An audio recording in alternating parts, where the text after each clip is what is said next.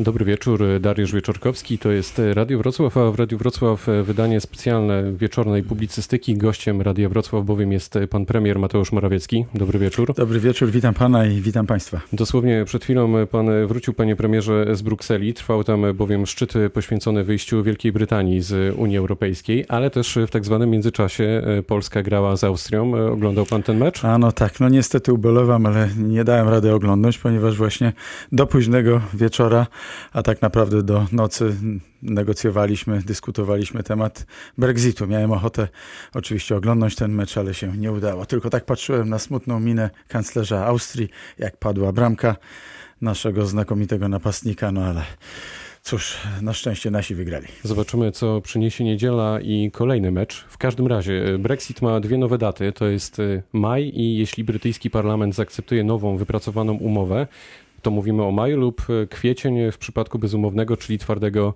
Brexitu. Który scenariusz e, Pana zdaniem jest teraz bardziej realny?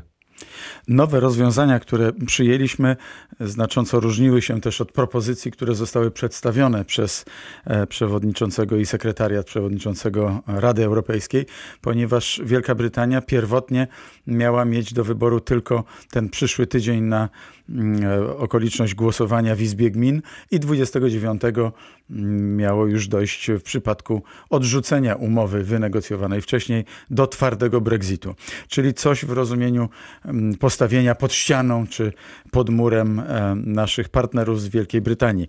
E, tymczasem na skutek naszej propozycji i wynegocjowanych nowych zapisów mamy rzeczywiście dwie daty. Wielka Brytania może do czasu przed wyborami europejskimi jeszcze cały czas e, uzgadniać w ramach swoich, swojego kryzysu ratyfikacyjnego w Londynie te kwestie związane z Brexitem, ale my nie stawiamy ich pod murem e, w ciągu jednego tygodnia, tylko określona została data, ten właśnie kwietniowa, 12 kwietnia, ponieważ tę datę pokazała też pani premier May jako graniczną datę, od której parlament brytyjski musi wszcząć procedurę mm, związaną z wyborami do Parlamentu Europejskiego. A pani May przetrwa w ogóle te najbliższe dni, tygodnie? To już są spekulacje, w które nie bardzo wypada mi wchodzić nawet. Ja życzę oczywiście e, rządowi pani premier May e, wszystkiego e, co najlepsze, a w szczególności zdolności i umiejętności do wypracowania kompromisu w ramach partii konserwatywnej, bo tu z tego musimy sobie zdać sprawę. Pani premier May walczy również o, a przede wszystkim może nawet walczy o to, żeby partia konserwatywna, torysi, żeby byli, jakby żeby była utrzymana w całości. A bierze pan pod uwagę jeszcze w ogóle taki scenariusz, że do Brexitu nie dojdzie po prostu? Mogę powiedzieć, marzy mi się taki scenariusz, żeby nie doszło do Brexitu, ale oczywiście wszystkie karty są po stronie społeczeństwa brytyjskiego, a w szczególności rządzącej partii konserwatywnej i opozycji, czyli parlamentu brytyjskiego. Tutaj my dość otwarcie mogę tak uchylić rąbka czy kulisy e, rozmów wczorajszych i wcześniejszych moich bilateralnych rozmów z panią premier May proponowaliśmy właśnie, żeby Wielka Brytania pozostała w Unii Europejskiej, czy kolejne referendum, czy na skutek e, innych propozycji, ale to referendum już się odbyło prawie trzy lata temu. Społeczeństwo brytyjskie zadecydowało i politycy liczą się z tym zdaniem, e, co jest oczywiście zrozumiałe. W związku z tym dzisiaj negocjujemy już wyjście Wielkiej Brytanii z Unii Europejskiej. Niestety. Co z Polakami na Wyspach? Bo kilka tygodni powiedział pan, że tu cytat, mogą czuć się spokojnie, bezpiecznie z punktu widzenia swoich przywilejów społecznych, socjalnych, pod każdym innym względem. Podtrzymuje pan te słowa? Podtrzymuję jak najbardziej. Jestem po kolejnej rozmowie z panią premier May wczorajszej, podczas której tylko podtrzymaliśmy to, do czego się zobowiązała wcześniej, a mianowicie do traktowania naszych obywateli na zasadzie wzajemności i do utrzymania wszelkich przywilejów, w tym właśnie również przywilejów socjalnych e, dla tych obywateli polskich, którzy wyjechali do Wielkiej Brytanii e, przed Brexitem, a więc wszyscy polscy mm, obywatele, którzy tam mieszkają, tam pracują, tam mają dzieci szkołach i pobierają różne dodatki, prawda, nawet ich nie 500, plus, chociaż e, mają troszeczkę inaczej to ukształtowane, rzecz jasna, e, mogą być spokojni o prawa przysługujące im również po wyjściu Wielkiej Brytanii z Unii Europejskiej. Zapewnienia o tym, że Polacy faktycznie mogą czuć się bezpiecznie wynikają z tego, że obowiązuje pana i panią premierę Wielkiej Brytanii swego rodzaju umowa dżentelmeńska? Nie tylko to, to, to jest również coś więcej w ramach e, wynegocjowanej umowy. E, mam nadzieję cały czas, że to, no, ta umowa, która została wynegocjowana między zespołem Michela Barnier a Wielką Brytanią wejdzie w życie. E, w ramach tej umowy są oczywiście odpowiednie zabezpieczenia, mm, ale także właśnie potwierdzone wielokrotnie zapewnienia w naszych negocjacjach czy w naszych rozmowach bilateralnych. Dziś pani minister edukacji Anna Zalewska mówiła, że cały czas rozmawia z nauczycielami i związkowcami oraz, że egzaminy odbędą się zgodnie z planem.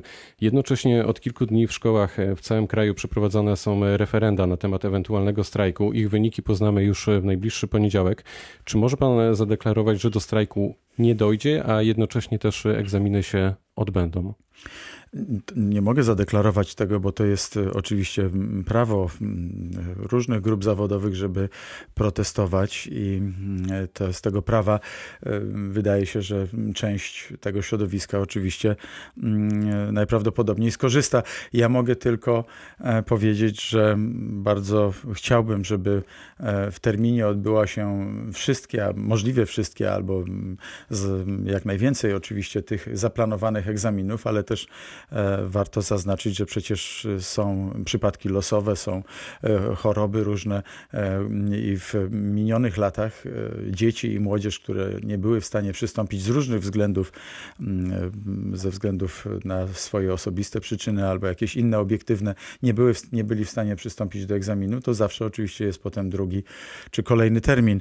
Mm, jednak będziemy starali się również, żeby mm, zespoły zapasowe, rezerwowe zespoły egzaminacyjne, takie na roboczo nazwijmy, żeby też w tych miejscach, w których nauczyciele zdecydują się protestować poprzez niewzięcie udziału w egzaminie, żeby tam te zespoły łagodziły e, skutki tego protestu. Bo ja mogę podkreślić i, muszę podkreślić, że mm, na tym sporze nie chciałbym, żeby ucierpiała młodzież. Przede wszystkim e, protest jest e, protestem, jest bardzo ważny, bardzo się tym przejmujemy, martwimy, ale generalnie ważna jest bardzo postawa w czasie egzaminów, a tutaj mam nadzieję, że ogromna większość młodzieży będzie mogła przystąpić do tych egzaminów, możliwie wszyscy. Jutro we Wrocławiu o godzinie 11 rozpocznie się konwencja Prawa i Sprawiedliwości. Czy nauczyciele usłyszą na niej jeszcze jakieś propozycje ze strony rządu? Jutrzejsza konwencja jest konwencją mobilizacyjną. Po, wchodzimy powoli w okres, w którym e, kampania e, nabiera tempa i nasza e, kampania ma, jest w dużym stopniu taka jak nasza polityka społeczna i rodzinna. To znaczy chcemy dotrzeć do każdego polskiego domu i każdej polskiej rodziny. I dlatego może można tak powiedzieć troszeczkę zaczepnie, że opozycja spotyka się najczęściej z dziennikarzami, a my rzeczywiście w nas setkach, tysiącach spotkań, weekend po weekendzie, sobota, niedziela. Ja jutro też będę w Szczelinie, mm, w niedzielę będę pod Węgrowem w województwie mazowieckim e, i przede wszystkim dążymy do tego, żeby spotkać się z największą liczbą e, jak największą liczbą mieszkańców, porozmawiać z nimi, poczuć, e, jakie są problemy lokalne, regionalne czasami. A mm, pytał Pan o nauczycieli, to tutaj trzeba uzupełnić, że mm, my w porównaniu do trzech lat przed rozpoczęciem naszych rządów, kiedy nie było podwyżek, my te podwyżki zaczęliśmy dla nauczycieli. Ja chciałbym, żeby nauczyciele jeszcze więcej mm, rzeczywiście zarabiali, ale budżet to nie jest worek bez dna. My zaproponowaliśmy wielkie programy i społeczne, i rozwojowe, i demograficzne, czyli 500 plus na pierwsze dziecko, czyli podatek PIT do 26 roku życia e, na poziomie zero, czyli obniżenie podatku PIT i podniesienie kosztów uzyskania przychodu, co dodatkowo pozostawi również w kieszeni nauczycieli. E, jeszcze kolejny mały zastrzyk e, finansowy ale to oczywiście nie jest worek bez dna i my musimy liczyć się z możliwościami finansowymi. I dzisiaj te możliwości finansowe e, już większe nie są. One rzeczywiście, tak jak to ekonomiści słusznie policzyli, e, oscylują wokół 40 miliardów złotych. To jest ogromna kwota. Przypomnę tylko, że w czasach naszych poprzedników deficyt budżetowy sięgał czasami, przekraczał 100 miliardów złotych, a, a my możemy przeznaczać tak te, środki, dlatego że uszczelniliśmy system podatkowy i przeznaczamy je na różne cele. W tym również na trzy podwyżki nauczycieli, dla nauczycieli. Dwie już się odbyły, trzecia będzie we wrześniu. Czyli innymi słowy, zamykając temat nauczycieli, nie ma szans na to, że jeszcze ci dostaną jakąś propozycję przed tymi poniedziałkowymi wynikami referendum.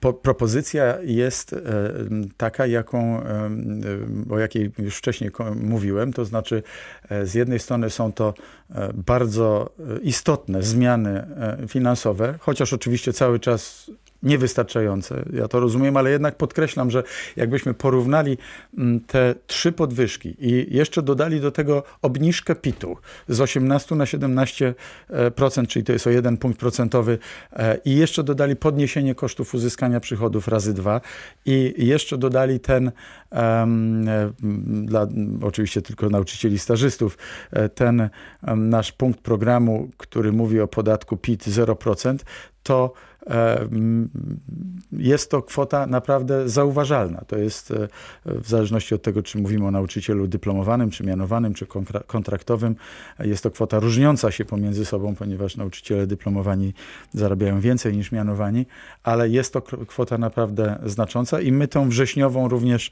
podtrzymujemy jak najbardziej. Więc e, to jest jedna, jeden obszar, który zaoferowaliśmy tej grupie zawodowej, ale jest też drugi obszar, o którym coraz więcej nauczycieli też wspomina, mianowicie zmniejszenie biurokracji na wielu poziomach. I tu e, chcemy, żeby pani minister Zalewska też zaproponowała nowe działania wychodzące naprzeciw nauczycielom. A będzie miała na to czas, startując do Europarlamentu? Pani minister ma to już przemyślane, bo propon proponowała e, mi różne e, obszary działań i teraz konsultuję to z ekspertami, ze specjalistami, e, co jest dla nauczycieli na różnych szczeblach nauczycieli związane z ich promocją, z ich, z ich awansami, z ich sprawozdaniami, które wykonują, co jest najważniejsze. I w ciągu kilku dni zaproponuję listę takich zagadnień, które mam nadzieję, że będą bardzo dobrze odebrane. Nie obawia się pan kolejnych strajków, kolejnych zresztą grup zawodowych? Dlaczego na przykład policjanci dostali podwyżki, a nauczyciele przynajmniej tak słyszymy od nich nie? Ale panie redaktorze, przecież właśnie to powiedziałem i wydawało mi się, że wszyscy to wiedzą, że od kwietnia zeszłego roku była pierwsza podwyżka 5%, w styczniu tego roku kolejne 5%, we wrześniu kolejne 5%, w październiku i wrześniu obniżka PIT-u i koszty uzyskania przychodu.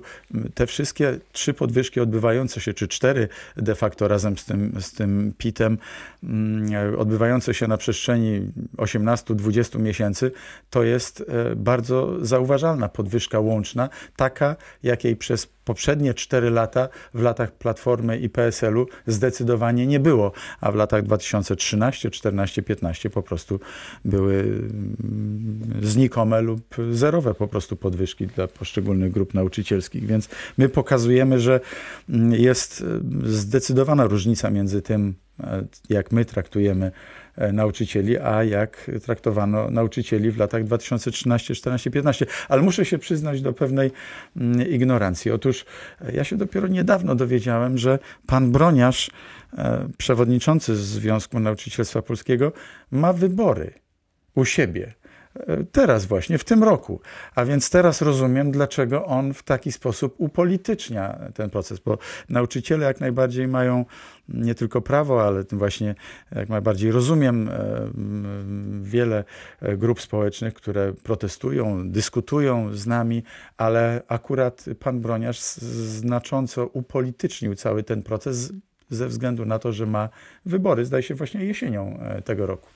Czy prawdą jest, że minister finansów pani Teresa Czerwińska podała się do dymisji, ale pan jej nie przyjął? I nie było niczego takiego. To jest oczywiście e, burza w szklance wody. E, pani minister rzeczywiście, jak wielu Polaków na przednówku, e, jest na L4 i życzę jej jak najszybszego powrotu do zdrowia. Jesteśmy wstępnie na poniedziałek umówieni na kolejne dyskusje minister finansów to trochę taki główny ekonomista kraju i główny księgowy zarazem. To dwie role, które nie są takie łatwe do pogodzenia, coś o tym wiem, bo byłem w tej roli, ale na pewno bardzo dobrze pani minister wypełnia tę rolę. Na koniec pytanie o budżet. Czy budżet wytrzyma realizację piątki Prawa i Sprawiedliwości? To jest e, z naszej perspektywy pewien program, który stanowi całość, zarówno fiskalno-budżetową, to o czym pan teraz, co pan teraz poruszył, jak również, również gospodarczo-społeczną. Dla nas e, społeczeństwo, gospodarka jest pewną jednością. Nie traktujemy tak jak neoliberałowie społeczeństwa jako e, piątego koła uwozu i nie mówimy, że im niższe wynagrodzenia, tym lepiej, tylko właśnie stymulujemy gospodarkę do tego, żeby e, rozwijała się jak najszybciej, a w ślad za nią, żeby się rozwijały, żeby wynagrodzenia naszych pracowników e, rosły. Dla nas standardy europejskie to przede wszystkim właśnie popychanie wynagrodzeń w kierunku, w kierunku europejskim. I e, tak na to patrząc, teraz w fazie spowolnienia gospodarczego, o tym też w Brukseli rozmawialiśmy całkiem sporo, bo niektóre kraje rzeczywiście mają dość gwałtowne obniżenie tempa wzrostu PKB. W takiej fazie e, impuls fiskalny, który też, e, którym też jest ta piątka, o którą Pan zapytał, jest jak najbardziej prawidłowym klasycznym, można powiedzieć, działaniem makroekonomicznym, e, który złagodzi tę dekoniunkturę, która się zbliża. A co do finansowania, mogę powiedzieć, że chcemy się zmieścić w tym deficycie 3% i jest bardzo duże prawdopodobieństwo, że i w tym roku, i w przyszłym nie przekroczymy tego 3% deficytu. A dla porównania warto pamiętać, że w latach naszych poprzedników tenże deficyt sięgał 7 i 8% w szczytowych e, latach 2009-2010. A więc my e, zachowujemy tutaj bardzo ostrożnościowe podejście do polityki e, budżetowej. Zaczęliśmy od sportu i, i tym sportem jednak skończymy. Polacy wygrają niedzielny mecz? Ach no, mam takie przekonanie i taką ogromną nadzieję, a, a jak obejrzałem kilka akcji w powtórkach, to wydaje mi się, że naprawdę, jak to Zbigniew Boniek określił, coś ciekawego się narodziło wczoraj na boisku i e, moje nadzieje będą rosły, mam na, myślę, wraz z każdym meczem. Powiedział pan premier Mateusz Morawiecki, który był gościem Radia Wrocław. Bardzo dziękuję za spotkanie. Dziękuję bardzo, dziękuję panu dziękuję państwu. Pytał Dariusz Wieczorkowski. Spokojnego wieczoru.